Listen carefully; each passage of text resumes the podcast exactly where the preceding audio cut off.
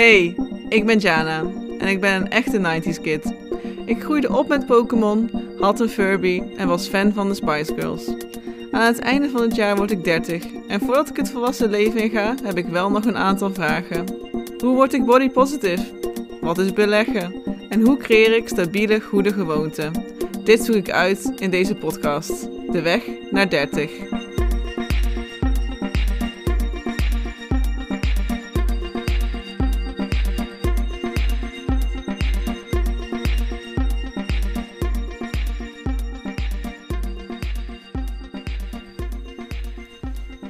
Hoi en welkom bij deze eerste aflevering van mijn podcast, De Weg naar 30. Ik kan haast niet geloven dat ik dit nu zeg en doe en dat hiervoor ook een hele toffe intro te horen was. Het is nu echt, echt aan het worden. Want na zelf talloze podcasts hebben geluisterd in de lockdown, ja, staat er nu ook eentje op mijn naam. En ja, voordat ik verder van start ga, leek het me wel een goed idee om even een kort voorwoordje te doen me even voor te stellen en het verhaal achter deze podcast te vertellen. Ik ben Jana en ik ben geboren op 29 december 1991. Wat maakt dat ik aan het einde van dit jaar 30 ga worden. Een hele mooie en belangrijke leeftijd is het natuurlijk. Waar ik stiekem ook wel best wel wat ja, wel zin in heb. Zeker omdat het wel de basis vormt van leuke projecten en dingen in mijn leven, zoals het maken van deze podcast. En ja, 30 worden is echt zo'n belangrijke leeftijd die natuurlijk wordt geassocieerd met echt volwassen worden. Al kan je natuurlijk zeggen, volwassen worden zit niet echt per se een leeftijd aan, maar het is iets wat, waar we wel waarde aan hechten natuurlijk, dat getal. En daar komen best wel wat dingen bij kijken. Sommige dingen heb ik wel al door trial and error een beetje zelf uit mogen vogelen. En sommige dingen ook echt nog helemaal niet. En wat ik hoe dan ook merk, is dat het thema's zijn die echt wel passen bij deze fase van mijn leven en ook het leven van leeftijdsgenoten om mij heen.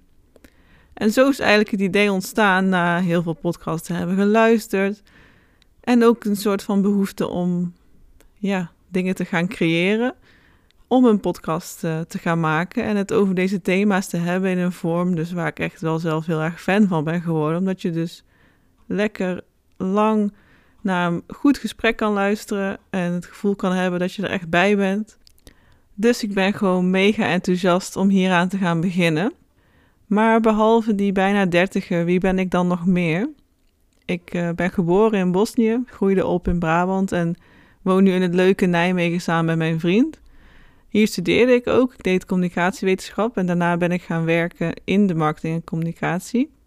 Maar drie jaar geleden nam ik uh, de stap om mijn eigen bedrijf te beginnen in fotografie. En dat doe ik nu nog steeds. Ik ben fotograaf. En deze podcast is mijn passieproject. En doe ik vooral omdat ik het zelf gewoon heel leuk vind om met mensen in gesprek te gaan over thema's die mij en ook anderen bezighouden. En elke aflevering is er daarom ook iemand te gast die een expert of een ervaringsdeskundige is over het thema. En dit doen we om dingen bespreekbaar te maken of om ze verder uit te leggen, omdat het ook dingen kunnen zijn die we gewoon ook nooit echt hebben geleerd. Bijvoorbeeld op school hebben we het ook over bepaalde thema's helemaal niet. En ja, het gesprek waar we nu bijvoorbeeld naar luisteren is precies zo'n zo'n soort gesprek. En het is een pilot die ik heb opgenomen in januari, ook om even te voelen hoe het nu is om een podcastaflevering te gaan maken. Ik ben vrij uh, voorbereid van mezelf. Dus ik wil eerst even goed aanvoelen: vind ik dit nou leuk en zou ik dit kunnen voordat ik ergens aan begin? En alle begin is ook spannend en zo ook het maken van die eerste aflevering. Maar ik vind het vooral een heel leuk en boeiend gesprek geworden waar je hopelijk ook iets aan hebt. De eerste podcast is Johnny Buivenga te gast, een goede vriend van mij die gedragspsycholoog is. En we gaan het hebben over doelen stellen en hoe je gewoontegedrag daarin kan inzetten om jouw doelen te behalen. Dit is een ja, onderwerp wat vooral mijn interesse heel erg heeft gewekt in de lockdown, omdat ik ja, ben begonnen in het 6 minuten dagboek. En daardoor zag ik ineens van wat routine en het hebben van bepaalde gewoonten met je kan doen. En dat je ineens echt doelen kan bereiken waarvan je niet eens dacht dat je ze zou kunnen bereiken. En bij mij is dat bijvoorbeeld heel erg op het sportieve vlak uh, gebleken. Dus het is een heel inhoudelijk gesprek. Uh, we, we, hebben het over allerlei dingen. Over hoe je nou gewoontegedrag goed tot stand kan laten komen. Wat voor elementen daaraan vastzitten. Maar ook waardoor het dan bijvoorbeeld komt waarom het soms niet goed lukt. Uh, je herkent het vast wel als je iets voor jezelf hebt bedacht dat je graag wil halen, maar dat het toch lastiger gaat dan dat je dacht. Ja, daar gaan Johnny en ik dus samen over praten. En ik hoop uh, ja, dat je het leuk vindt om naar te luisteren, deze eerste aflevering. Ik vind het echt super spannend natuurlijk. Maar ik ben vooral, zoals ik al zei, echt super enthousiast ook. Mocht je het nou een leuke aflevering vinden, dan zou ik het heel leuk vinden als je even abonneert op mijn podcast en me volgt op Instagram, de weg naar 30. En ja, mocht je daar ook nog vragen voor mij hebben of je reactie willen achterlaten, doe dat ook vooral daar op die Instagram. En mocht je ook vragen hebben voor Johnny achteraf, laat het mij ook weten, want dan kunnen we nog wel eens op Instagram bijvoorbeeld live gaan of jullie vragen nog eens beantwoorden. Ik ben gewoon heel benieuwd uh, van je te horen. Heel erg bedankt in ieder geval dat je erbij bent en ik wens je vooral heel veel plezier met het luisteren. Hi en uh, welkom. Leuk dat je luistert naar deze eerste aflevering van mijn podcast, De Weg naar 30. Het is voor mij nog even spannend natuurlijk, wel ook al heel leuk om te doen. Uh, en vandaag heb ik mijn goede vriend en mijn bokstrainer, Johnny, tegenover me zitten. Welkom Johnny. Dankjewel. Leuk dat je er bent en dat je tijd uh, voor me wilde vrijmaken ja, in jouw drukke bestaan. Zeker, hartstikke leuk. De, ja, de Nijmeegse ja, welbekende sporttrainer. Ja, ik denk dat bijna iedereen wel Nijmegen kent, of niet? Mwah, hopelijk later. Hopelijk, later. Je bent bezig met die bekendheid. Precies, ja. Hey, zou je even iets over jezelf willen vertellen voor de mensen die je nog niet kennen? Yes, ja. Ik ben dus uh, Johnny, Johnny. Ik ben gedragspsycholoog of gedragswetenschapper van, uh, van achtergrond. Uh, langere tijd in het veld gewerkt en op een gegeven moment heb ik mijn eigen bedrijf opgericht. Dat is de Beweegheden en met de beweegheden staan we voor fysieke en mentale groei of ontwikkeling. Omdat die twee eigenlijk heel erg mooi hand in hand gaan. En die twee willen faciliteren door een mooi fysiek aanbod neer te zetten. En, uh, maar ook een mentaal aanbod in de vorm van lezingen en workshops. Mm Dus dat is uh, waar, ik me, ja, waar ik me hard van aan het maken ben. Mm -hmm. Ja, waarom maak jij je daar juist hard voor? Wat is jouw missie? Of... Ja, dat is, dat is een hele goede vraag. Um, eh, dat komt best wel voort ook uit mijn eigen geschiedenis. Ik ben op een gegeven moment ben ik uh, wat meer gaan sporten. En ik merkte dat het sporten voor mij mentaal gezien heel goed was. Ik merkte dat ik door um, het herhalen van bepaalde dingen, ik deed krachttraining in het mhm. begin, dat ik merkte dat ik dingen kon waarvan ik voorheen dacht dat die nooit mogelijk waren. En wat ik eigenlijk door die ervaring, of daardoor ervaarde, was dat, dat sport heel empowerend kan werken. Mhm. En het interessante daaraan vind ik dat die empowerment niet uh, gelimiteerd blijft tot het gebied van sporten, maar dat je dat ook kan gebruiken in andere gebieden buiten sport. Bijvoorbeeld ehm, bij het geven van lezing of in een baan of in persoonlijk contact. Maakt niet uit eigenlijk in alles. En dat vind ik een heel mooi en interessant principe. Ehm, en, en dus sport maakt mentale groei mogelijk, maar mentale groei maakt ook weer sport mogelijk. Het is een hele mooie wisselwerking en ik vind het heel mooi om dat aan mensen te kunnen ja, te geven. Zeg maar. die, ik hoop dat ik die ervaring aan mensen kan geven, omdat het gewoon heel mooi is ja, het is altijd mooi als je een persoonlijk verhaal kan koppelen aan jouw missie. Die, die ervaring die je daar hebt uh, opgedaan om daar anderen mee te inspireren. Ja. En ja, uh, ik kan zeggen vanuit mezelf dat jij me ook daarin inspireert. Ja, altijd uh, ja, met de positieve manier waarop jij jouw trainingen in, instelt. Ehm, ja, je hebt niet het gevoel, ook als je iets niet kan, is het ook gewoon goed. Ja. Dat vind ik ook gewoon een mooie boodschap. Dat je ja, door kleine stapjes ja. Eh, te zetten, kun je ook uh, resultaat boeken. Het hoeft niet meteen in één keer perfect of in één keer goed te Precies. zijn. Precies. Ja. En dat is volgens mij. Sorry, wil je nog zeggen? Nee, nee, nee je vertel. Ja, dat is volgens mij in, in, deze maatschappij wat we. We zien allemaal plaatjes, hè? bijvoorbeeld op Facebook of Instagram of op tv of op series. Van mensen die succesvol zijn en dingen bereiken. Gewoon dingen waar, waarvan je denkt: wow. Um, maar je ziet heel vaak niet hoeveel moeite, et cetera, erachter gaat. En je wilt het dan bereiken en je gaat het proberen. Maar vervolgens lukt dat niet, omdat het gewoon vaak heel moeilijk is. En daardoor raak je ook op een bepaalde manier ontmoedigd. En eh, dat is best wel pijnlijk. En ik denk dat mensen op die manier, als ze dingen voor zichzelf vormgeven, ook voor zichzelf deuren dichtgooien. Ja. En juist dat laat zien dat het inderdaad het kleine oké is en juist goed is. En als je daarin kan groeien, dat je juist ook mentaal sterker wordt en steeds verder kan komen. Dat vind ik, vind ik prachtig. Een hele mooie ervaring. Ja, dat is wel interessant dat je dat zegt. Want ik denk dat het sowieso eh, ook zo is dat we in de maatschappij ook te veel gefocust zijn op het daadwerkelijk resultaat Ja. en niet het, het proces ernaartoe.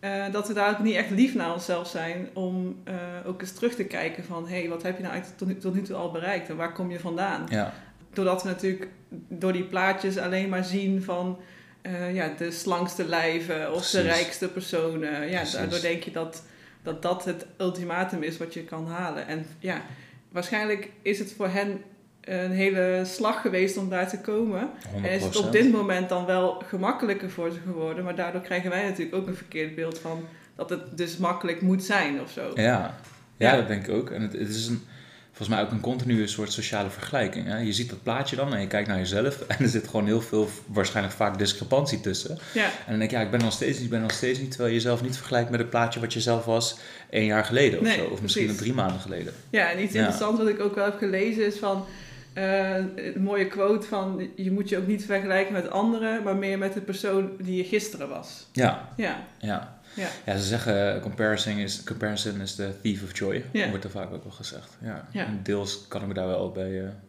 ja, dat omschrijven, ja, bij aansluiten. Ja.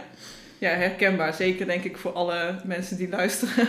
en Ja. eh, ik denk ook in, in onze generatie ook wel een, eh, eh, ja, iets waar iedereen wel tegenaan loopt.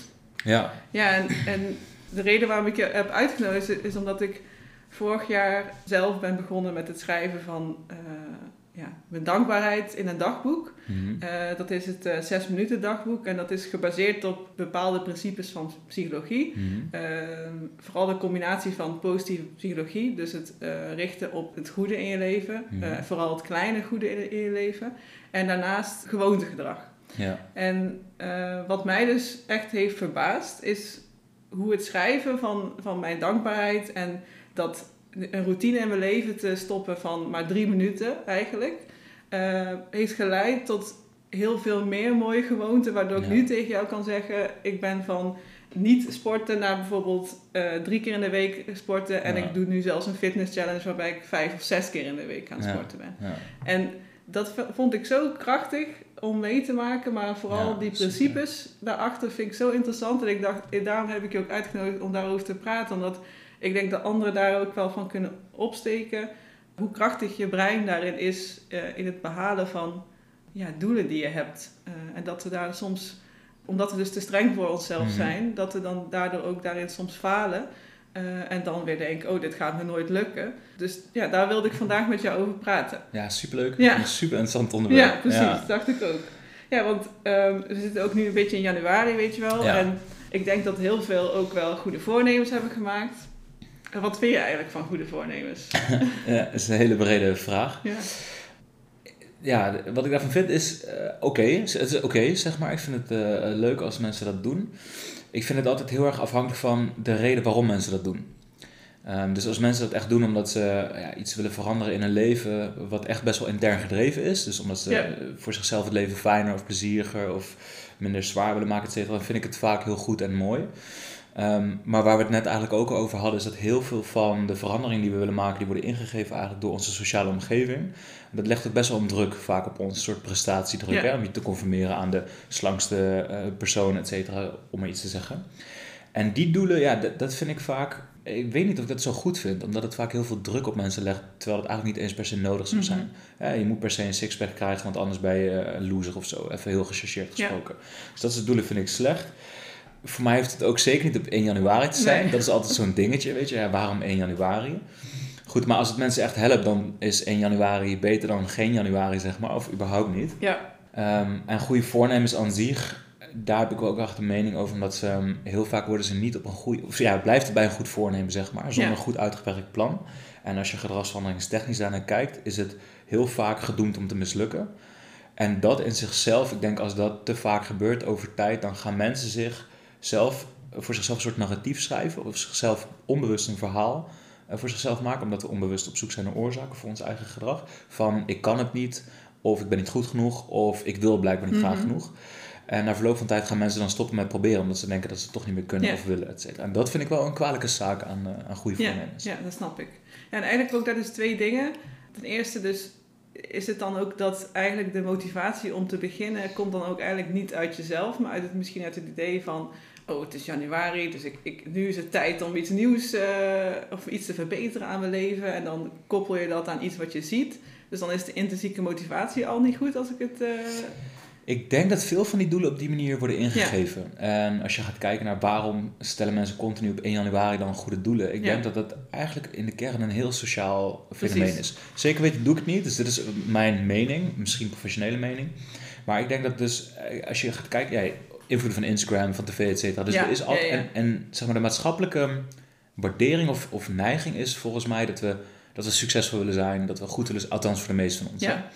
Um, ja, en als je er niks aan doet, dan ben je, ja, dan ben je dus eigenlijk niet zo succesvol of misschien iets meer aan loser. Volgens mij dat is een beetje de, de neiging of de tendency zeg maar, in onze maatschappij. Dat kan dan invloed zijn voor het stellen van die doelen, et cetera. Ehm, en op een gegeven moment ook op Instagram, uh, maar ook in gesprekken, ja, rond eind van het jaar, begin nieuwjaar, ja, heb je een goede voornemen. Ja, dat is wat continu. Dus breder in de maatschappelijke invloed, zeg maar, is een sociale neiging. En ook op microniveau in de gesprekken is ook een sociale invloed.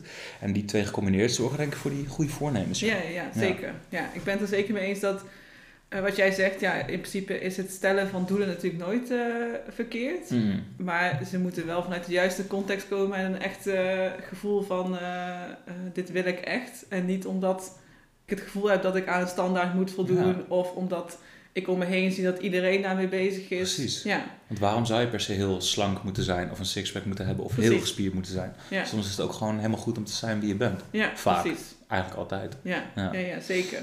En wat je daarnaast nog noemde, uh, wat ik ook wel interessant vond, is eigenlijk leggen, leggen goede voornemens niet vaak de juiste basis om, om, om ze uiteindelijk te laten slagen. Wat zijn dan de elementen die, dat, die daar wel voor zorgen? Ja, dat uh, is een hele goede. En dan, dan hebben we het eigenlijk over um, een soort intentie versus een doel. Ja. En dan hebben we uh, het ook weer over een doel versus een soort uitgewerkte strategie. Mm -hmm.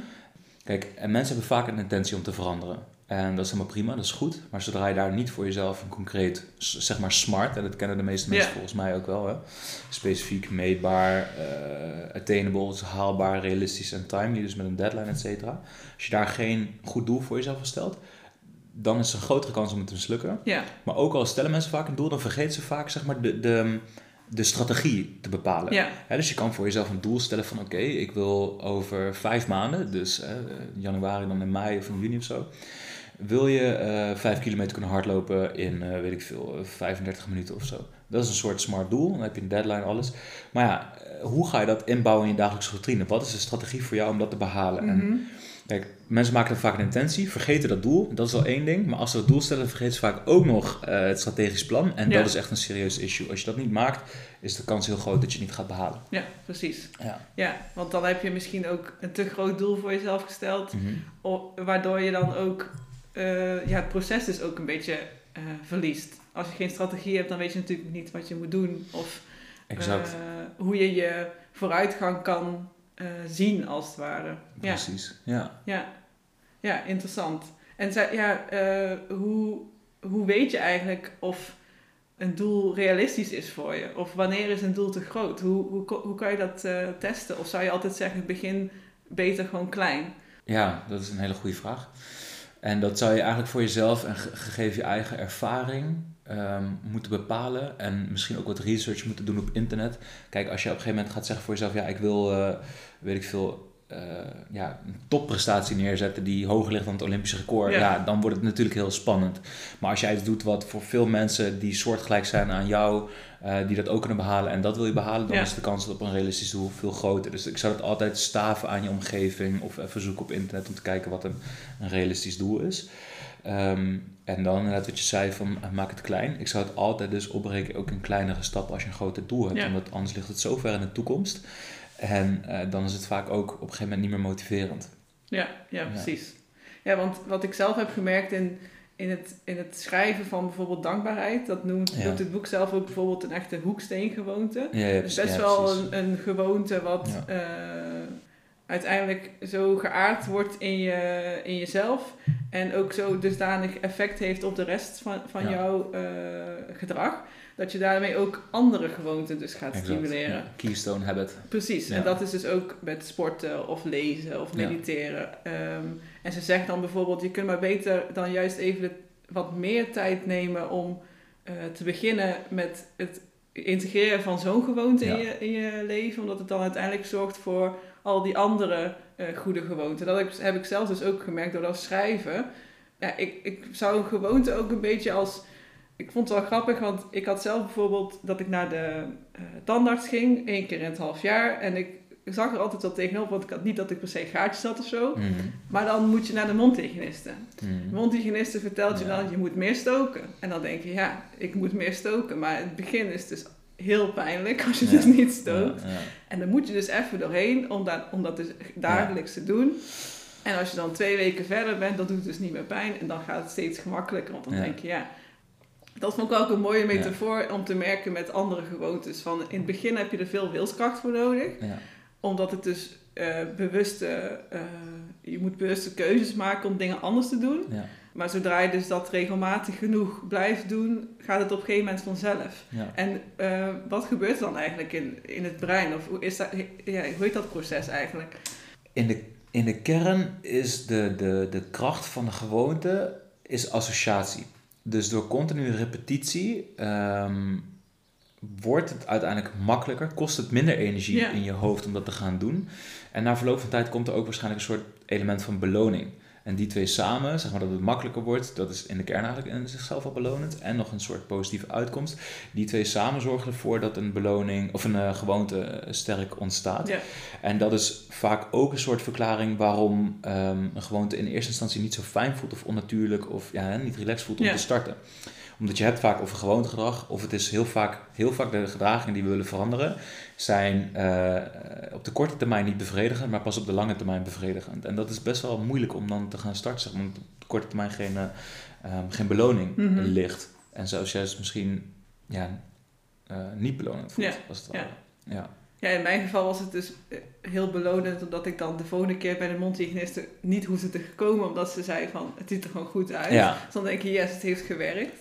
Maar ik kan me voorstellen dat, zeker als je bepaalde doelen hebt en je hebt ze dan eh, kleiner gemaakt of je hebt er bepaalde gewoonten aan, geha- aan gehangen, dus dat je zegt van, nou ja, ik train bijvoorbeeld voor een marathon, daar hoort een bepaald schema bij, dus Mhm. ook een bepaalde routine van eh, training. Mhm. Ehm, hoe kan je jezelf dan wel tussendoor belonen? Want dat is schijnbaar Ja. dus een heel belangrijk eh, voorwaarde om dat dan ook te kunnen blijven doen. Ja, in de kern, eh, bijna voor al het gedrag dat wij vertonen, zit een bepaalde beloning. Ook voor gedrag wat op eerste oogslag eigenlijk negatief overkomt, zit vaak een beloning. Het is bijvoorbeeld roken, wat in de kern eigenlijk slecht voor je is, geeft ook een bepaalde beloning van of nicotine, dopamine of ehm, ontspanning Mhm. bijvoorbeeld. Hè. En in de kern, als je kijkt naar gewoontegedrag om te ontstaan, zijn er eigenlijk drie grofweg bouwstenen nodig. En die drie tezamen worden ook wel de habit loop eh, genoemd. Er zijn hele interessante boeken over te Mhm. lezen, ook goed geschreven boeken, maar die kunnen we straks misschien wel, wel nog tippen. Ehm, maar er is altijd een cue nodig om te ontstaan, dus een bepaalde teken of een trigger voor het gedrag om te Mhm. ontstaan. Het gedrag moet aan bepaalde voorwaarden eh, voldoen om uiteindelijk gewoontegedrag te kunnen eh, worden. En er moet altijd een beloning zijn. En die beloning moet op korte termijn moet die belonend voelen. Ja, Dus als jij een soort, eh, als je het hebt over een marathon en je moet dan gaan trainen en hoe maak je dat voor jezelf belonend? Je moet ervoor zorgen, en anders wordt het echt geen gewoonte, dat er een beloning in zit. En die beloning, die moet jij zelf intern voelen. Ehm, dus bijvoorbeeld eh, kan dat zijn een, een soort reflectiemomentje na het rennen, na je eerste run. Van oké, eh, ik heb de eerste stap gezet en ik ben één stap Ja. dichter bij mijn doel. Dat kan bijvoorbeeld heel belonend Mhm. werken. Of dat je eh, heel kort een stukje mindfulness toepast. Dus van oké, weet je wel, lucht in de longen, ik voel me eigenlijk heel ontspannen. Ik ben heel blij dat ik een stukje gerend heb, ik voel me heel lekker. Dat kan een stukje beloning zijn. En het gaat er in de kern om altijd dat jij een bepaalde beloning voelt eh na het gedrag. Of anders dat zo snel mogelijk na verloop van tijd voelt. Ja. eh, om die cyclus in stand te gaan houden. Ja. Ja. en dat is eigenlijk ook wel eh, het mooie van sport en bewegen in het algemeen natuurlijk ook dat eh, door te bewegen ontstaan er vanzelf ook Ja. stoffen waardoor je dan ook goed voelt. Want Ja. ik, ja, ik denk dat, dat bijna iedereen kan zeggen als die heeft be- be- bewogen of gesport, dat die daarna denkt, oh, dit voelt lekker. ja, voor de dus- meeste van ons. Ja, Ja, ja, ja. precies. Ja. Ja. maar dat is in de kern natuurlijk heel moeilijk. Want als je het hebt over het fysieke aspect of over het beweegaspect, voor veel mensen ehm, hangt er een beeld aan vast van dat ze het niet kunnen, of hè, dat ze misschien te zwaar zijn of geen conditie hebben. Er zit heel veel angst aan verbonden. En dan te gaan bewegen en dan ook die positieve effecten te voelen, dat kan in het begin best wel moeilijk zijn. Ehm, vooral op voorhand, om dat te denken dat je het na, na afloop zeg maar, ervaart. En ook vaak op afloop, uh, na afloop om daar voldoende bij stil te staan, zodat je echt die beloning ook ervaart, zodat je dan door kan gaan in ja. die gewoontecyclus. Ja. Maar dat is wel echt de, de sleutel tot succes. Ja. En waarschijnlijk ook bij een journaling practice zat er een bepaald element van beloning in dat je dat ging doen. Ja. Of je voelde je waarschijnlijk in het begin goed dat je, dat, dat je de eerste stap had gezet. Of het schrijven voelde uh, zeg maar opluchtend of belonend. Of, uh, en dat is uiteindelijk waarschijnlijk wat het, wat het in stand heeft gehouden. Ja, en, en, en bijvoorbeeld in het, in, het, in het boek wat ik dan uh, gebruikte, was het ook dat je dan uh, uh, opschreef welke gewoonte je in, in een bepaalde maand aan wilde werken. En dan had je ook een checklist van. Dus het Ja, feit dat je dan ja. dat vinkje mag Precies. zetten, dat is ook ja, hoe we- to-do-lijstjes werken. Precies. Dat voelt heel erg goed Ja. dat je kan zeggen, nou check, heb ik eh, gehaald. Ja, exact. Maar ik kan me ook wel dan voorstellen, eh, wat als het dan een keer minder goed gaat, weet je wel? Of je hebt een dag dat, je, dat, het, dat, het, dat het je niet lukt. Ja. Hoe zorg je daar dan voor dat het niet ja, je hele goede gedrag helemaal onderuit Ja. haalt? Ja, dat is echt een, een groot probleem. Of een groot probleem. In gewoontevorming is dat echt een probleem. En heel vaak zie je dat mensen heel goed beginnen, een aantal keer. En dan gaat het één of twee keer niet door. En dan vallen ze eigenlijk weer terug in de oude Ja. gewoonte. En echt de, de, voor een gewoonte om te ontstaan zijn dus die drie bouwstenen nodig. hè. De cue, het gedrag en, eh, en Ja. de beloning. Die moeten geassocieerd met elkaar worden. En dat betekent dat ze in eenzelfde context of situatie continu herhaald moeten worden. En door die continue herhaling ontstaat een associatie. Waardoor als je de cue ziet, die beloning ontstaat. Als je één of twee keer niet gaat, dan wordt die associatie een stukje zwakker. En onderzoek laat ook zien dat eh, na twee keer de kans ook groter is, is dat je hem stopt. Mensen kunnen best wel één keer missen, maar dan moet je hem eigenlijk wel weer gelijk op gaan pakken. Zeg maar. Hoe langer je ermee wacht, hoe zwakker die associatie wordt en hoe eerder de gewoonte uitdooft, als het ware. Dus ehm, gelijk weer oppakken. En wat echt een, een soort lifehack tip voor mij persoonlijk is geweest, en wat ook in de literatuur terugkomt, is het principe van downscalen. Dus als jij in de gelegenheid bent om, of niet in de gelegenheid bent om dat gedrag te vertonen, stel bijvoorbeeld je wilt 10 minuten schrijven, maar je bent zo kapot, dat lukt niet, of je wilt een half Ja. uur hardlopen je hebt, en je hebt de tijd niet, dan, dan scale je dat down tot het kleinst mogelijke dat je wel kan doen. Mhm. Dus misschien kan je wel twee minuten schrijven, of misschien kan je wel 10 minuten hardlopen. En als dat ook niet kan, misschien één minuut schrijven of vijf minuten hardlopen. En als zelfs dat niet lukt, dan schrijf je gewoon, pak je boekje open, pen, schrijf je een krasje erin en klaar. Ja, En dat houdt die associatie in stand, waardoor je eh, ja, continu die, die streak eigenlijk behaalt. En waardoor die gewoontevorming in stand blijft. Dus op die manier eh, geef je je hersenen ook mee van kijk, ik ben nog steeds bezig. Exact. En, en dat, dat programma wat ik probeer te maken in mijn hersenen ben ik nog steeds aan het eh, trainen als het ware. Precies. Ja. En, en dat be- beantwoordt deels je vraag, want je vroeg ook van hoe zorg je ervoor als het dan niet helemaal belonend voelt, dat het dan toch belonend voelt. En ehm, ik zou daar altijd een soort reflectief proces aan vastkoppelen. Dus dat je altijd denkt, oké, ging niet lekker, maar ik heb het wel gedaan. Weet Ja. je? En dat je dan in dat eh, de beloning zoekt. Ja, ze zeggen ook vaak van het, het, het is niet erg als je één dag mist, maar zorg dat je de volgende dag ook gewoon Precies. eh, weer verder gaat. Precies. En dan eh, hoeft het ook niet helemaal in de, de perfecte mate, maar als Nee. je maar gewoon weer het oppakt. Ja. En dat is ook voor jezelf om, om goed om je dat vol te houden. Kijk, uiteindelijk een groot resultaat bestaat vaak uit de aan- aaneenschakeling van kleine stapjes continu. En zodra je die kleine stapjes maar blijft zetten, dan werk je uiteindelijk, als je dat goed doet, in, ja, in de goede Ja. richting, op een goede Ja. manier. Ja.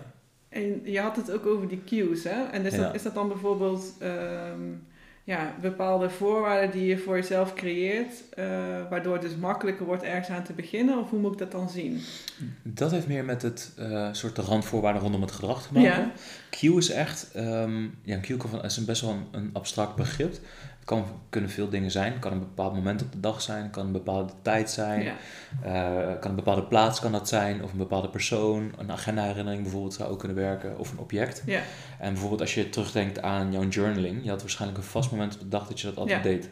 Ja. S'avonds voor het slapen gaan misschien. Ja, eh, s ochtends en s avonds. en ja. dan eh, lag het ook naast mijn bed. Dus Ja. dan meteen je ermee. Ja. Maar ja, ik geloof dat daar dus ook inderdaad het principe aan vasthangt. Juist die cue, dat het dan een vast moment, een vaste Exact. plek. Dat het eigenlijk zo'n soort ja, cornerstone van je dag wordt, eh bewijs van. Ja. Ja. En dat is, dat is precies wat, een, wat de functie van een cue is. En ook de functie voor een gewoonte om te ontstaan. Een gewoonte ontstaat in een stabiele context, in een hè, continu.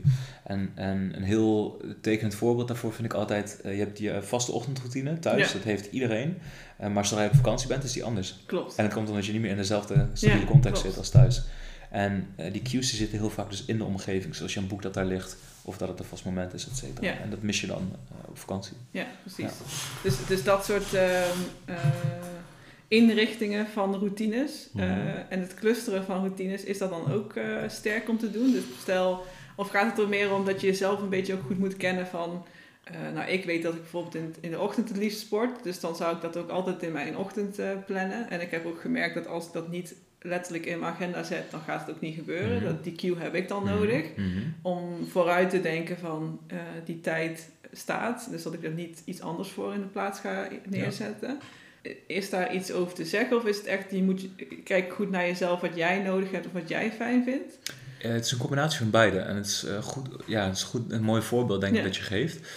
Um, wat ik zou adviseren om echt een gewoonte te bouwen is dat je dus altijd die, die habit loop gebruikt, zeg maar. En ook dat je even de tijd neemt van tevoren, en daar hebben we vaak geen zin in. Nee. Maar ook om een plannetje voor jezelf te schrijven. Dus dat je gaat kijken naar een duidelijke cue voor jou. Wat, is, wat is bijvoorbeeld een, kan je iets neerleggen wat je doet herinneren aan hè, het gedrag dat je wilt vertonen, of een bepaalde agendamelding, of hè, net zoals jij dat je dat boek neerlegt of een vast moment, et cetera. Dus dat je die cue voor jezelf gaat identificeren en dat neerlegt.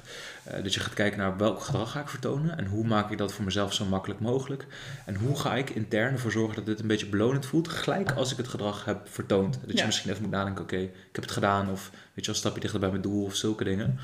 En uh, wat ik wil zeggen is dus, het is goed altijd voor jezelf om dat plan te maken, maar altijd op basis van je individuele voorkeuren. Dus wat jij dan zegt inderdaad, volgens mij heb je eigenlijk dat framework heel mooi, misschien onbewust en misschien bewust, gebruikt voor jezelf, maar wel uh, beïnvloed door je eigen persoonlijke voorkeuren. Ja. En dat moet, want als je dat niet doet, zou ik zeggen, dan mist ook het belonende aspect veel meer. Want dan ga je het irritant vinden als je bijvoorbeeld vlak voor slaap gaat moet sporten of Nee, noem precies. Maar wat. Ja. Precies, ik denk ook zeker dat dat... Uh, voor iedereen persoonlijk uh, mag zijn. Want ik weet van mezelf dat ik heel gestructureerd en georganiseerd uh, persoon ben. Dus daarom werkt, werkt dat plannen dan voor mij. Maar misschien voor iemand anders is het juist van ik wil het graag spontaan houden. Dat ik, dan is het voor mij niet zo uh, irritant of vervelend. ja. ja. Maar in spontaan houden, daar schuilt dus wel een gevaar ook in. Um, want ja, gedragsmatig gezien moet je voor jezelf een bepaalde structuur creëren om dat gewoontegedrag te implementeren. Dus als jij voor jezelf gaat denken, oké, ik wil graag sporten, maar je plant never een vast moment uh, in je week in, dan is de kans aanzienlijk kleiner dat je daar gewoontegedrag van gaat maken. Ja. Dus dat is wel een beetje. En wordt dat uh, gedurende de, de, het proces dat jouw gewoonte sterker wordt, wordt dat wel uh, weerbaarder? Dus zou je bijvoorbeeld dan wel wat meer ruimte voor jezelf kunnen creëren? Of wat bedoel je met ruimte? Nou ja, stel, um, je bent in het begin heel uh, strikt daarin, mm. dus om dat goed te plannen. En uh, ik weet niet, volgens mij is er ook een bepaalde uh, termijn te bedenken wanneer een gewoonte echt in, jou, in jouw gedrag is gesleten, mm. als het ware. Zou je dan vanuit daar merk je dan dat het dan makkelijker is om jezelf wat meer ruimte te geven? Dat je ook zegt, nou ja, vandaag kan ik een dagje skippen en dan vind je het ook niet meer moeilijk om die volgende dag verder te gaan? Ja, uiteindelijk, en dan gaan we ook weer, zeg maar, stappen we voor deels af van het onderwerp gewoonte en gaan we ook kijken naar een stukje misschien identiteit of zo. Ja. Kijk, als jij, uh, als je het goed vindt, we blijven ja, praten over sport hè. Um, als jij op een gegeven moment zo vaak sport dat jij zelf ook meer als een sporter gaat zien en sport een belangrijk onderdeel van jouw identiteit wordt of van de dingen die je heel graag doet, ja, op een gegeven moment ga je dat missen en dan ga je dat als het niet lukt op een ander moment inplannen. Dus dat gaat ontstaan, maar als dat niet ontstaat, dan is de kans wel dat het afneemt. Wat je ook heel vaak hoort, is dat mensen heel goed uh, bezig zijn met een bepaalde structuur, routine of mm -hmm. eten of sporten. En dan gaan ze verhuizen en dan, dan uh, zakt ja. het weer helemaal erbij in. Ja. ja. Dus het, het moet wel echt aan jouzelf of in jouzelf verankerd op een bepaalde manier zijn. Uh, wil je dat op andere momenten gaan vormgeven. Ja, maar het is dus wel ook wel een goede manier om dus te ontdekken ook van jezelf wat, wat je dus mee wil nemen in die identiteit of in die lifestyle die Zeker. je uiteindelijk wil creëren. Want ja, ik, ik heb mezelf uh, niet echt gezien als iemand, als, uh, als een sporter of een fit persoon. Uh, maar ik ben daar wel naartoe aan het gaan ja. dat ik dan denk, oh, dit is wel echt iets belangrijks, merk ik ja. in mijn leven. Wat ik ook wel graag wil integreren. Ja. Dus ook als we weer los zijn van de, de corona en alles. En het ja, voor mij was bijvoorbeeld tijd een heel, goed, heel eh, belangrijk element waardoor ik dus wel weer, weer ging sporten. Maar dat ik nu ook snap van, oké, het gaat niet om eh, dat ik heel veel tijd moet hebben. Het gaat om het prioritiseren van mijn tijd, ja, snap ja. je? Ja, ja, precies. Ja, Maar dan verschuift er ook wat in jouw belangen uiteindelijk. Precies, ja. exact. en dat eh, vind ik dus wel, dat vond ik ook wel krachtig om te snappen dat Ja, ik denk dat we tegenwoordig ook denken dat dingen heel makkelijk eh, ontstaan. Dus als je zegt, ik wil gitaar leren spelen, dat je het morgen kan, bij wijze van. mhm. En dat je dat proces naartoe niet waardeert. Dus dat je dus heel snel ook eh, misschien op zou geven. Mhm. En dus ook niet de kans geeft aan jezelf om te ontdekken wat voor talenten of wat voor lifestyle zou ik ook kunnen hebben. Ja. Dat het ook een hele leuke manier is om eh, dingen over jezelf te ontdekken of nieuwe, ehm, ja, nieuwe dingen te doen. ja. Eh, creatieve hobby op te pakken, zoiets, weet je wel. Dus dat je, ja, dat, dat zou ik ook graag willen meegeven aan degene die luistert. Van stel je wil ook iets doen, geef het ook even de tijd om dat, Ja, om dat, om dat, eh, die gewoonte te laten ontstaan. Dan te e- evalueren, past het nou wel bij mij of Ja. niet? Ja. Ja. ja, dat je voldoende tijd geeft en dat je het ook niet te snel eh, jezelf uit het veld laat slaan. Want heel vaak eh, heb je wel een bepaald ja, bewust of onbewust beeld van wat je wilt doen en gaat het bijna nooit in de eerste instantie gelijk lukken. En Nee, dat voelt vaak heel ontmoedigend. Terwijl als je bepaalde dingen gewoon voldoende tijd geeft, dan groei je daar steeds meer naar heen. Dan kan je inderdaad zelf evalueren of je dat leuk vindt Ja. of niet inderdaad. Ja, Ja, want ik, ik, ik had het dan bijvoorbeeld in een heel andere context, maar een vriendin van mij is begonnen met eh, digitaal eh, tekenen en illustreren. En, dat, en ik zag haar groei echt eh, exploderen, bij wijze Ja. van. En ik zeg tegen haar op een gegeven moment van hoe trots ik op haar ben en dat ze het zo goed doet. En eh, wow, echt bizar hoe, hoe, hoe, hoe snel je dat hebt geleerd. En toen zei ze ook van ja, ik ben er wel echt elke dag mee bezig. Hè? ja. En toen dacht ik ook bij mezelf, ja, natuurlijk, er gaat ook heel veel werk in om eh, iets te leren of een verandering in jezelf tot stand te laten komen. En juist door die plaatjes waar, waar je natuurlijk mee over begon, lijkt het alsof het, ja, en ook alle cursussen die Mm. natuurlijk op ons gevuurd krijgen, dat je het bij wijze van in één dag Ja. kan leren. Ja. Ik vind ehm, de parallel altijd heel mooi met, met het leren lopen of fietsen. Dus vroeger als kind, dat gaat niet zomaar. Nee. Daar ben je gewoon ontzettend lang de hele tijd mee bezig voordat je überhaupt kan lopen of kan fietsen. En we vallen continu en we staan wel weer continu op en gaan Ja, proberen. Precies. Maar nu later, eh, voor veel mensen althans, geldt vaak dat als, als je wat gaat proberen en het lukt niet gelijk en je valt, zeg maar, dat je bezeerd hebt en dat je niet meer wil gaan proberen omdat het dan spannend is of eng is. Of Ja. dat je laat, zelf laat zien dat je het misschien niet kunt, et cetera. Ja. En dat je daar dus snel opgeeft. Terwijl, ja, weet je, je hebt nooit in één dag kunnen lopen.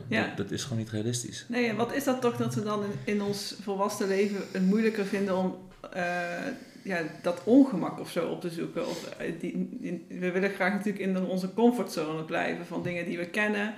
En dat is natuurlijk een heel natuurlijk proces, maar Mm. toch lijkt het alsof we daar, ja, eh, dan hoe ouder we worden, daar soms wel wat meer moeite mee krijgen. Dat geldt voor sommigen van ons, echt lang niet voor, voor allemaal. En volgens mij waar het voor een deel eh, mee te maken heeft, is ehm, met dat we ons goed over onszelf willen voelen. We Ja. willen graag een positief zelfbeeld. En dat betekent vaak dat we, eh, ja, in de literatuur heet dat adequaat zijn. Dus op een goede manier op onze ge- omgeving kunnen reageren en daarin ook competent zijn en moreel oké zijn. Ja. Voor de meeste van ons geldt dat althans. En als jij dat beeld van jezelf hebt, wat de meeste van ons van onszelf hebben, en je gaat dat proberen en dat lukt niet, dan zit er een discrepantie in dat beeld. En dat is bedreigend, dus hè, je gaat het proberen en dat lukt niet. Ja, dan ben ik misschien toch niet zo goed als dat ik dacht dat ik was. En Ja. dat voelt vaak heel bedreigend. En wat mensen dan gaan doen om dat op te lossen, en dat heeft ook heel veel met cognitieve dissonantietheorie te maken, is dat ze dan dat niet meer gaan proberen, Nee, omdat die bedreiging voor het zelfbeeld dan weg is, Ja. zeg maar. En op die manier hou je een goed zelfbeeld. En dat is top, want dat hebben we allemaal nodig. Ehm, maar ja, ga je wel een bepaalde groei of ontwikkeling, eh, die ook heel goed Ja. voor je kan zijn, Ja, ja, ja. uit de weg. Ja. Ja. Ja, en hoe, ehm, eh, wat, hoe zou jij zeggen tegen zo'n persoon die dat ontwijkt, van hoe, wat zijn dan bemoedigende woorden om dan toch wel door te gaan? Of, Ehm, theoretisch gezien heeft dit te maken met, eh met attributiesteltheorie Mhm. en met waar je de oorzaken voor je gedrag legt. En ehm, het toekennen van oorzaken voor ons gedrag of voor de uitkomsten van ons gedrag is een heel natuurlijk proces. Dat Ja. doen we gewoon om, om, om functioneel in deze wereld eh, te leven, als het ware. Ehm, en het kan op verschillende wijzen. En dat zijn attributiestijlen die mensen hebben. En Ehm, het is heel belangrijk dat dat intern gebeurt voor gedragsverandering. Dus eh, als je wat gaat proberen dan, en het lukt niet, dan moet je dat ook bij jezelf zien te zoeken. Want als je dat in je externe omgeving eh, zoekt, dan krijg je vaak een soort slachtofferrol of van ik kan er niks aan Precies, veranderen. ja. Dus dat is geen basis voor verandering. Maar daarnaast wordt het ook heel vaak eh, door veel mensen als soort stabiel geattribueerd. Of een stabiele oorzaak wordt Ja. ingezocht. Dus vaak, oké, het ligt bij mij en dit, dit komt omdat ik niet goed genoeg ben. Of omdat ik dat niet kan. Of, en wat ik zou willen aan... Ja, wat belangrijk is, laat het zo zeggen, is dat dat onstabiel wordt. Dus je legt die oorzaak bij jezelf, maar het moet onstabiel zijn. Ja. Dus van oké, ik kan het niet omdat ik het niet op de goede manier heb gepro- geprobeerd. Ja. Of omdat ik het niet vaak genoeg heb geprobeerd. Ja. Of omdat ik misschien een andere strategie moet gebruiken. En dat, zeg maar, dat, dat onstabiel attribueren, dat maakt het minder bedreigend voor het ego. Want dat betekent niet dat jij het niet kan, maar gewoon dat je nog moet Precies. oefenen. En dat, dat haalt die dreiging weg, waardoor eh, alles wel naast elkaar kan bestaan. Dus je kan gewoon lekker proberen en je kan nog steeds een adequaat persoon zijn. Want ja, je weet dat eh, mensen en kinderen niet in één keer kunnen lopen, dus dat het gewoon tijd nodig heeft en dat het moet groeien. Ja, dat vind ik wel een waardevol advies hoor. Want ik denk dat we heel snel stoppen bij die belemmerende gedachten die we Exact. hebben. Die zo erin zijn gesleten, schema's die we in, mijn ho- in ons hoofd hebben. Ja. En dat je dan heel snel denkt, ja, dit kan ik niet. eh, eh, en dan iets erbij haalt wat er helemaal niks mee te maken heeft. Ja. Maar dat we dus vergeten dat het ook vaak dus ligt aan die strategie die we dan missen. Of we, ja, dat, dat, het dus, dat we wat liever naar onszelf mogen zijn van, Ja. ja, eh, als we misschien iets tweaken, misschien lukt het dan wel. ja. Eh, Vooral dat dat je dus niet, zeg maar, je, je moet de oorzaak bij jezelf Ja. leggen, maar niet stabiel. Niet, ik kan het niet of ik ben niet goed genoeg, maar van oké, eh, wat kan ik in mijn gedrag aanpassen dat het wel lukt? ja, Ja, en het ligt niet aan mij, of het ligt wel aan mij, maar het ligt gewoon aan mijn strategie of manier, wat ik gewoon kan veranderen. Het is veranderbaar. ja, Dat is heel erg belangrijk. Ja, en wat Ja. ik eh, ehm, daarin ook wel interessant vond, is wat jij, ja, ik, je hebt elke woensdag dat je dan even iets uit de wetenschap deelt, wat ik ook heel eh, krachtig vind juist. Wetenschap woensdag. wetenschap woensdag, ja. En eentje die ik ook wel echt, eh, echt totaal in kon vinden, als we dan toch weer over sport hebben, Ja. is je hoeft dus niet altijd echt motivatie te hebben om ergens aan te beginnen. En vaak als je dus gewoon begint, dan gaat het ook gewoon vanzelf. En ik kan ook wel zeggen van alle keren dat, dat ik begin, er zijn Ja. er ook vaak keren dat ik denk, Ja. oh, het is nog vroeg, ik heb geen zin. Ja. En als ik dan heb gedaan, dan denk ik, yes, heb ik vaak ook misschien meer gedaan dan ik eigenlijk eh, van tevoren had verwacht. En eh, kan je uitleggen wat, het, wat, wat daar dan precies achter zit? ja, en het is een hele leuke vraag dat je dat stelt, want ik vind dat een heel interessant fenomeen. Eh, en ook een beetje tricky. Kijk, het ding is namelijk zo, ik vind persoonlijk dat mensen dingen moeten doen die ze leuk vinden. Ja. Dat, dat is belangrijk. Je moet gewoon dingen doen die bij jou passen, Ja. vaak. En dat, daar zit een beetje de crux ook, want Precies, heel vaak ja. zijn dingen die wel bij jou passen of op langere termijn, niet per se dingen die vaak goed voelen, et cetera. Maar we willen dan wel vaak dat het goed voelt en we denken ook van oh, iets moet goed voelen of fijn voelen of, of hè, we moeten gemotiveerd zijn voor gedrag om te beginnen. Maar dat is heel vaak niet zo. Nee. Motivatie is gewoon een fluctuerend begrip. Je slaapt goed, dan heb je motivatie, weet je, want uitgerust Ja. en lekker. En er gebeurt iets fijns, oké, heb je motivatie. Hij heeft een shitdag en je hebt niet lekker geslapen, ja, dan gaat die motivatie natuurlijk gewoon, of je, hè, je bent moe, weet ik veel, dan daalt die. Je kan er nooit allemaal van op aangaan. Maar als je maar dat gedrag gewoon gaat vertonen uiteindelijk, dan Ja. volgt die moti- motivatie achteraf. En dat heeft van alles te maken met cognitieve dissonantietheorie. Om, we hebben, mensen hebben de fundamentele behoefte om consistent te zijn. Dus ehm, we willen dat ons gedrag en onze gedachten en onze gevoelens met elkaar in lijn zijn. Want anders ontstaat er spanning. Dat noemen we cognitieve dissonantie. En die spanning vinden wij gewoon ontzettend vervelend. En dat is eigenlijk dezelfde spanning als waar we het net over hadden. Van ik wil een goed persoon zijn en een, een adequaat persoon. En dit lukt niet, dan ontstaat er ook spanning als het ware. Dat vinden we dus heel vervelend. Gaan we ons gedrag aanpassen. Als wij gedrag gaan vertonen en ehm, we vinden het helemaal niet leuk, dan ontstaat er ook spanning. Dus wat er dan gaat gebeuren is van, oh ja, ik heb dit allemaal gedaan en consequent, ah, dan moet ik het wel leuk vinden. En op die manier kan je motivatie achteraf creëren. En qua gedragsverandering is dat echt wel een soort ja, ingrediënt om toch te blijven gaan. Ja, We hebben het over gewoontevorming gehad en voor gewoontevorming moet je continu blijven gaan. ja, En als je op die manier naar je gedrag kan kijken, dan kan je dat jou ook motiveren om weer te blijven gaan. Zeg maar. ja, precies. Want Ja. je hoeft dus niet per se... Ja, ik had ook niet elke dag zin om mijn tanden te stoken. Maar Tuurlijk ja, niet. Het, het, het- de, die beloning van uiteindelijk niet die pijn hoeven te doorgaan bij die Ja, mondhygiëniste was voor mij gewoon heel fijn. Maar dan Ja. merk je ook gewoon van, ja, als je het gewoon doet... wordt het vanzelf minder erg. Het is, ja, precies. Eh, Want anders ben je dus een soort niet adequaat of competent persoon. Want je gaat niet allemaal gedrag vertonen en dan vervolgens het niet leuk vinden. Dat kan gewoon niet. Dat, dat, doen mensen niet. Nee. Dus moet je het wel leuk vinden. Precies, ja. Zo Dus- werkt het dus in ons Het hoofd. is wel mooi, ik vind het wel echt een heel eh, grappig en leuk proces ook. Want Ja. dus ik heb mezelf ook vaak over verbaasd van dat je dus toch met geen zin, eh, dus soms ook over je, eh, eh, ja, over je doelen kon gaan. Dat je denkt, ook ik heb meer gedaan dan ik zelfs wilde. Ja. En dan heb je eigenlijk nog nog grotere beloning. Dat je denkt, hoe kan dit? Ja. Want ik, ik was zo moe en weet je wel, ja. Ja. Echt die, En daar schuilt tegelijkertijd, dan moet ik wel zeggen, vind ik ook het gevaar. Want soms moet je rust pakken, weet je wel. En klopt. soms moet je lief voor jezelf. Je kan niet alleen maar... En, want hierin schuilt wel vaak het gevaar dat je dan ook te hard voor jezelf, te streng voor jezelf bent. En dat is best wel ook gegeven, dus de maatschappelijke druk om te presteren en weer goed te zijn.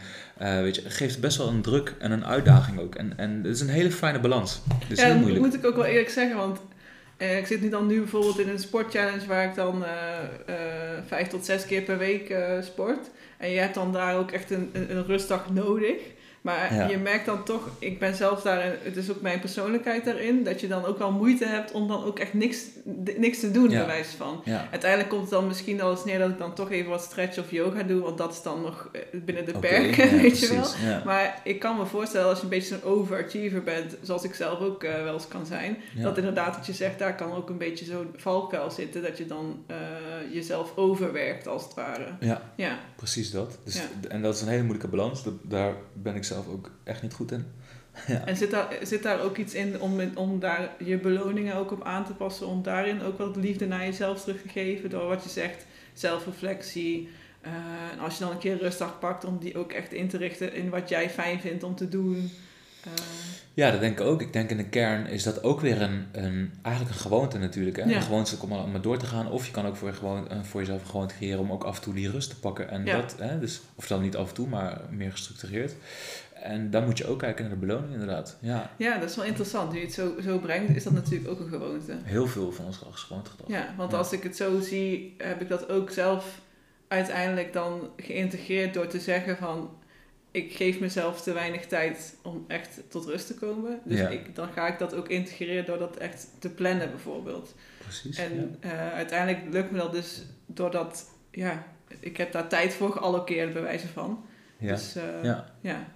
Ja, dat kan denk ik een, een hele mooie zijn. En, en hierin, en we, we praten nu best wel op een soort microniveau over gedragsverandering. Ja. Hè? Dus heel vaak over hoe ga ik nou een goede strategie implementeren en hoe kan ik bijvoorbeeld toch aan de gang zonder motivatie. Eh, Maar het is ook heel belangrijk om af en toe een aantal stappen terug te zetten en even een soort helikopter of een soort metaview te pakken om te kijken van oké, waar ben ik nou mee bezig? En is het nog steeds wie ik wil zijn en wat ik wil doen? Eigenlijk wat je ook een, eh, een paar onderwerpen terug in dit gesprek wat je aansneed. Dat is denk ik ontzettend belangrijk. En dan kan je ook gewoon eh, voor jezelf misschien helder hebben van... oké, eh, zeven keer sporten, weet je wel. eh, waar ben ik eigenlijk mee bezig? Wil ik een topsporter worden? Nee. Nee, is het dan nodig dat ik zeven keer sport? Ja, misschien niet. En misschien kan ik dan beter andere dingen gaan ja, precies. Dus dat heb ik bijvoorbeeld dan zelf persoonlijk meegemaakt. Maar ik denk dat het altijd goed is om weer ook naar het hoge plaatje af en toe te kijken... in de zoveel Ja. tijd qua reflectie en daarop aanpassingen te maken. Ja, zeker. Eh, eh, In mijn eigen geval denk ik ook dat ik na deze challenge ook goed naar mezelf ga kijken van wat vond ik er nou van? Ja, Ehm, is het iets wat ik wil integreren? Eh, en zo ja, ja, wat betekent dat dan inderdaad voor mijn leefstijl? ja. Eh, welke concessies moet precies, daarop doen? Dat, ja. dat, dat is best wel een groot gevolg. Maar ik vind het wel ook leuk, want als ik het niet heb, had gedaan, dan ontdek je dus ook niet dat dit Ja. mogelijk is. Precies, ja. Dus dat is, vind ik ook het mooie van dat soort eh, challenges of gewoonten. Ik vind het ook grappig hoe, hoe je dingen noemt, bijvoorbeeld dat belonen en zo. Want ik, ik heb natuurlijk, eh, dat heb ik je al een keer eerder verteld, eh, een tijdje ook echt elke dag gewandeld. een bepaald Ja. stappendoel gehad, eh, op mijn horloge ook. En dan ja, zie je daar ook weer die, meteen die beloning van, ja, Ja. je krijgt even zo'n bus, weet je Ja. wel, van hé, hey, je hebt het weer gedaan. Ja. En dan denk je, yes. En die streak werkte ook zo krachtig, want dan denk je, ik ga door, want ik wil niet dat die streak kapot gaat. Dus exact. hoe, ehm, hoe apps en zo daarin ook weer op inspelen om daar eh, jou te- bij te helpen. Ja. Vind ik mooi. En je hebt ook echt speciale apps die, ehm, ehm, die je kan gebruiken om voor jezelf nieuw gewoonte te creëren. Er zijn ook apps voor die je daarin kunnen ondersteunen. Ja. Ja. Leuk. Leuk eh, om hierover te praten. Ja, Ik eh, zou nog met één ding willen afsluiten. Dat is meer een, een vraag eh, vanuit mezelf. Want ja, zoals je hoorde heb ik best wel mooie en goede gewoontes gecreëerd de afgelopen Mhm. tijd. Maar één ding wat me dus echt niet goed lukt is, en wat ik wel graag zou willen, is het verminderen van mijn telefoongebruik. ja. En heb, heb jij een vermoeden of zou jij mij een advies kunnen geven van ja, waar ligt het nou aan dat, het, dat, dat dat dus mij niet zo goed lukt? Ik ben daar zelf ook slecht in. Ja. dus eh, ja, en ik heb daar zeker ook wel, eh, wel ideeën over. Kijk, in de, in de eerste instantie is telefoongebruik... eh, telefoon is zo ontworpen, vooral vandaag de dag, dat die extreem belonend is. ja, Dus alle kleurtjes op je scherm, Precies, die zijn ja. niet per toeval zo. Die zijn echt vooropgezet zo gemaakt dat die extra belonend Ja. zijn. Eh, je ziet die rode icoontjes van een pop-up, het zit, je hoort een geluidje. En, en heel vaak dat zijn dat soort dingen zijn gekoppeld aan een soort, eh, veel sociale apps bijvoorbeeld, aan een soort sociale validatie. Ja. Dus je hebt weer een like Ja. of een comment of weet ik wat. En dat is gewoon heel belonend. Dus eigenlijk als je eh, een soort microperspectief weer pakt en kijkt naar de telefoon. De telefoon is zo gemaakt om heel veel gewoontegedrag bij jou te creëren. ja, ja. En jij moet zelf ook weer actief aan de slag met de gewoonte. En je daar ook echt hardhandig en standvast gaan houden om dat te kunnen doorbreken. Ja. Heb je dat op die manier aangepakt? Met een cue, een goed, goed gedefinieerd en makkelijk gemaakt Maar ik, had dus, ik heb dus nu schermtijd ingesteld. Precies. Maar ja, Ja. dat er leidt dus dat ik dus nu een soort gewoonte heb om die schermtijd Exact. te negeren, zeg maar. Ja. Maar nu ik het ook zo... Ik, ik heb natuurlijk ook de social dilemma gekeken en, en, Ja. en, en eh, eerder ook hier het, eh, onderwerpen over. En ik snap inderdaad echt goed het principe hoe het werkt. En dat constante gratificatie en eh, dat je steeds Ja. wordt getrokken. En dat je ook op dode momenten het gevoel hebt dat je je telefoon moet pakken. Exact. Maar zoals ik het hoor ook, is het eigenlijk bijna dat je juist moet zeggen, ik zet hem gewoon helemaal uit. En, ja, eh, en wat voor mij een beetje, eh, wat ik, ik vind het op zich niet te erg om hem te gebruiken, maar ik zou hem wat meer op gezette tijden willen gebruiken. En dat is wel een ideaal recept ook voor gewoontevorming. Precies, om te zeggen van, nou ja, ik vind het eh, belangrijk om wel op de hoogte te blijven. Ja. Want ik heb natuurlijk een bedrijf en mensen die mij Exact. nodig hebben, maar wel op de tijden die, waarvan ja, ik het graag wil. Ja. Exact.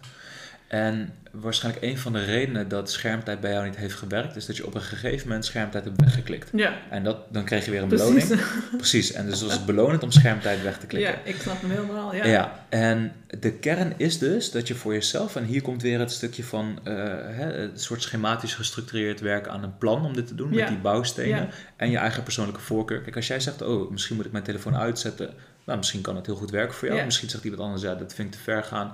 Ik ga misschien liever op de gang leggen als ik hem niet gebruik. Weet. Ja. Maakt niet uit wat je precies ervaart. Je moet dat doen en je moet je daar ook aan houden. Ja. En het moeilijkste gedeelte is waarschijnlijk in het begin, omdat alles in je lijf schreeuwt, ja, maar wacht even, want dit en Precies. ik voel me, eh, weet ik veel, verveeld en saai. Dan moet ik telefoon pakken. Of wat nou? Oh, ik moet die nog. eh. En dat zijn, dat zijn die dingen. En dat is het moeilijk. Daar moet je in het begin heel even doorheen. En dat betekent ook dat je, denk ik, dus daarnaast heel actief moet nadenken over welke beloning jij ervaart dat je dit nu niet gebruikt. Ja, Dus van oké, ik ben sterk geweest. Ik, eh, weet je wel. En dat je denkt aan je uiteindelijke eindstaat. Ja. Weet ik veel wat voor jou zou werken. En dat je daaraan vasthoudt. ja. En na verloop van tijd. Durf ik wetje, als je dat goed doet, durf ik al een wetje met je te leggen dat het ik, eh, gaat lukken. ik ga het weer proberen. Want ik, ja, het is ook, ik, ik zie gewoon de mogelijkheden die ik heb qua tijd. Eh, als, ik dat, als ik dat niet zou doen. Ja, Eh, een Ja. boek lezen of eh, inderdaad even wat schrijven. Of effectiever werken. iets, iets, Ja. iets wat me daadwerkelijk ook vooruit helpt. In plaats van scrollen op Facebook en weer het. En waarschijnlijk wordt het na verloop van tijd ook in zichzelf belonend dat je, dat je minder, althans wat, wat het telefoongebruik bij mij doet, is dat het ehm, me heel erg fragmenteert, zeg maar. Dus heel continu ben ik bezig, oh ja, heb je even kijken en dan ga ik Ja. weer terug naar mijn werk en dan ben ik weer even eruit. En, en de hele ervaring van alles wordt, wordt niet meer gefocust en één en wordt veel gefragmenteerder. En na verloop van tijd word je ja. denk ik rustiger, wordt je werk kwalitatief beter, word je wat minder geprikkeld de hele tijd en minder onrustig. Maar dat zijn denk ik beloningen in de lange termijn. Ja, het gaat echt om aandacht en focus inderdaad. En dat je vooral, eh, je kiest er ook voor als je je telefoon pakt om je bezig te houden met eigenlijk eh, anderen in plaats van met jezelf. Precies. Dat vind, ja. dat vind ik er, dat, dat staat me nu dus ook tegen. Ja? Maar dankjewel voor de tips. Ik, ga er Ik hoop weer, dat je er eh, wat aan hebt. ik- eh, ja. ik denk dat dit weer, de, de- weer een nieuwe set is om het weer te gaan proberen. En nu, ja, wat, wat je ook zegt, ik herken ook zeker meer die pijn die je hebt om het dan daardoor heen te komen om het niet Dat. te doen. Maar het is dus echt die volharding die je dan nodig hebt. Want ja, die wilskracht heb je in het begin echt nodig om actief te zeggen van ik doe het niet. ja, en Ja. dat is, dit is ook weer een heel interessant thema. Ja. En als ik nog twee seconden mag aansnijden. Precies, Kijk, eh, eh, veel mensen hebben, of mensen hebben meer wilskracht of minder wilskracht. Of ze hebben het beeld van dat zij meer of minder wilskracht hebben. Eh, hoe dat precies zit, dat is ook nog niet Duidelijk. in, ja. duidelijk, ook in de literatuur, et cetera. Maar vaak is alleen maar je eh berust op wilskracht is best wel moeilijk. Ja. Daarom praten we deze podcast ook heel veel over gewoontes. Ja. Want gewoontes vervangt wilskracht uiteindelijk. En ook hier moet je dus kijken en dat als je kijkt naar de habit loop of de bouwstenen Mhm. van gewoontes, valt dit eigenlijk onder eh, de bouwsteen gedrag. Ja, Nou, hoe maak je voor jou het gedrag zo makkelijk mogelijk als je iets, wilt, iets Ja. nieuws wilt toevoegen? Of hoe maak je bestaand gedrag, dus in dit geval een telefoongebruik, zo moeilijk mogelijk? En hoe moeilijker je het voor jezelf maakt, hoe minder je van je eigen wilskracht eh, op aan hoeft. Dus dat kan bijvoorbeeld zijn, dus dat inderdaad dat je je telefoon uitdoet ja. eh, en dat je hem gewoon aan je vriend geeft en met de instructies van geef dit Niet. niet, aan mij. Ja, Of leg het in een kluis met een op. Het is natuurlijk heel extreem, maar, maar ik, snap, ik snap inderdaad wat je bedoelt. Ja. en als jij bijvoorbeeld een schuurtje in je tuin hebt en je moet t- 20 of 10 meter lopen om dat te doen en door twee deuren door, de, de, de, de urge om dat te doen, zeg maar, de- je moet veel bewuster dat gaan doen. Er zijn veel meer stappen die je moet gaan doen. Hoe, hoe meer Precies. drempels, hoe meer stappen, hoe minder belonend of ja, Ja. dat wordt uiteindelijk. En hoe kleiner de kans wordt dat je het gaat doen. Precies, die Ja. toegankelijkheid daar is, is heel belangrijk. Je merkt het ook als je, als je zou willen afvallen en je hebt altijd een zak chips. Ja, dat moet je Precies gewoon niet hebben eigenlijk. idee. Nee. Ja, En eh, wat ik ook wel een mooi voorbeeld vind is van, van al die eh, belangrijke eh, grote tech-personen zoals een Steve Jobs, dat die gewoon in de ochtend altijd hetzelfde setje kleren aan had. ja. Maar gewoon omdat dat gewoon een heel decision process in zijn hoofd eruit haalde, Ja. waar je niet, niet meer bezig hoefde te houden. Ja. Dus dat is ook nog wel iets wat ik echt kan aanvullen. Maak het dan ook heel moeilijk om Precies. je telefoon te pakken. Leg hem bijvoorbeeld in de auto die voor je voordeur geparkeerd staat en leg je sleutel boven. weet ik veel, weet je wel. Ja. Nou, ik denk ehm, dat ik het ga proberen. en ik denk ook dat ik nog een keer bij je terug ga komen, want volgens mij kunnen wij nog uren hierover praten. dat lijkt me heel erg leuk. En eh, ja, wie weet waar we de volgende keer over hebben. Maar ik wil je in ieder geval voor vandaag heel erg bedanken. Ik vond het echt een heel eh, leuk en interessant gesprek. Ja, ik denk dat ook eh, anderen er best wel eh, wat aan kunnen hebben. En ehm, ja, we zien elkaar de volgende keer. Zeker, Yes. dankjewel. En dan zijn we alweer aan het einde gekomen van deze eerste podcast. Dankjewel voor het luisteren. Dankjewel ook Johnny dat je mijn eerste ja, proefkonijn wilde zijn en met mij wilde praten. Ik denk dat het een heel mooi gesprek is geworden. Mocht je het nou leuk hebben gevonden, zou ik het heel tof vinden als je abonneert op deze podcast. Mij volgt op Instagram, de weg naar 30. Laat daar vooral ook je reactie achter. En ik hoop je de volgende keer ja, te zien, is een beetje gek. Ik hoop, je, ik hoop dat je de volgende keer ook weer gewoon bij bent. En eh, zoals het ook bij een podcast natuurlijk betaamt, is dat je aan het einde even de credits geeft. En op dit moment kan ik alleen maar één credit geven. En dat is voor de toffe muziek die is gemaakt door Patrick McLeverty. Dankjewel, Patrick. Tot de volgende keer.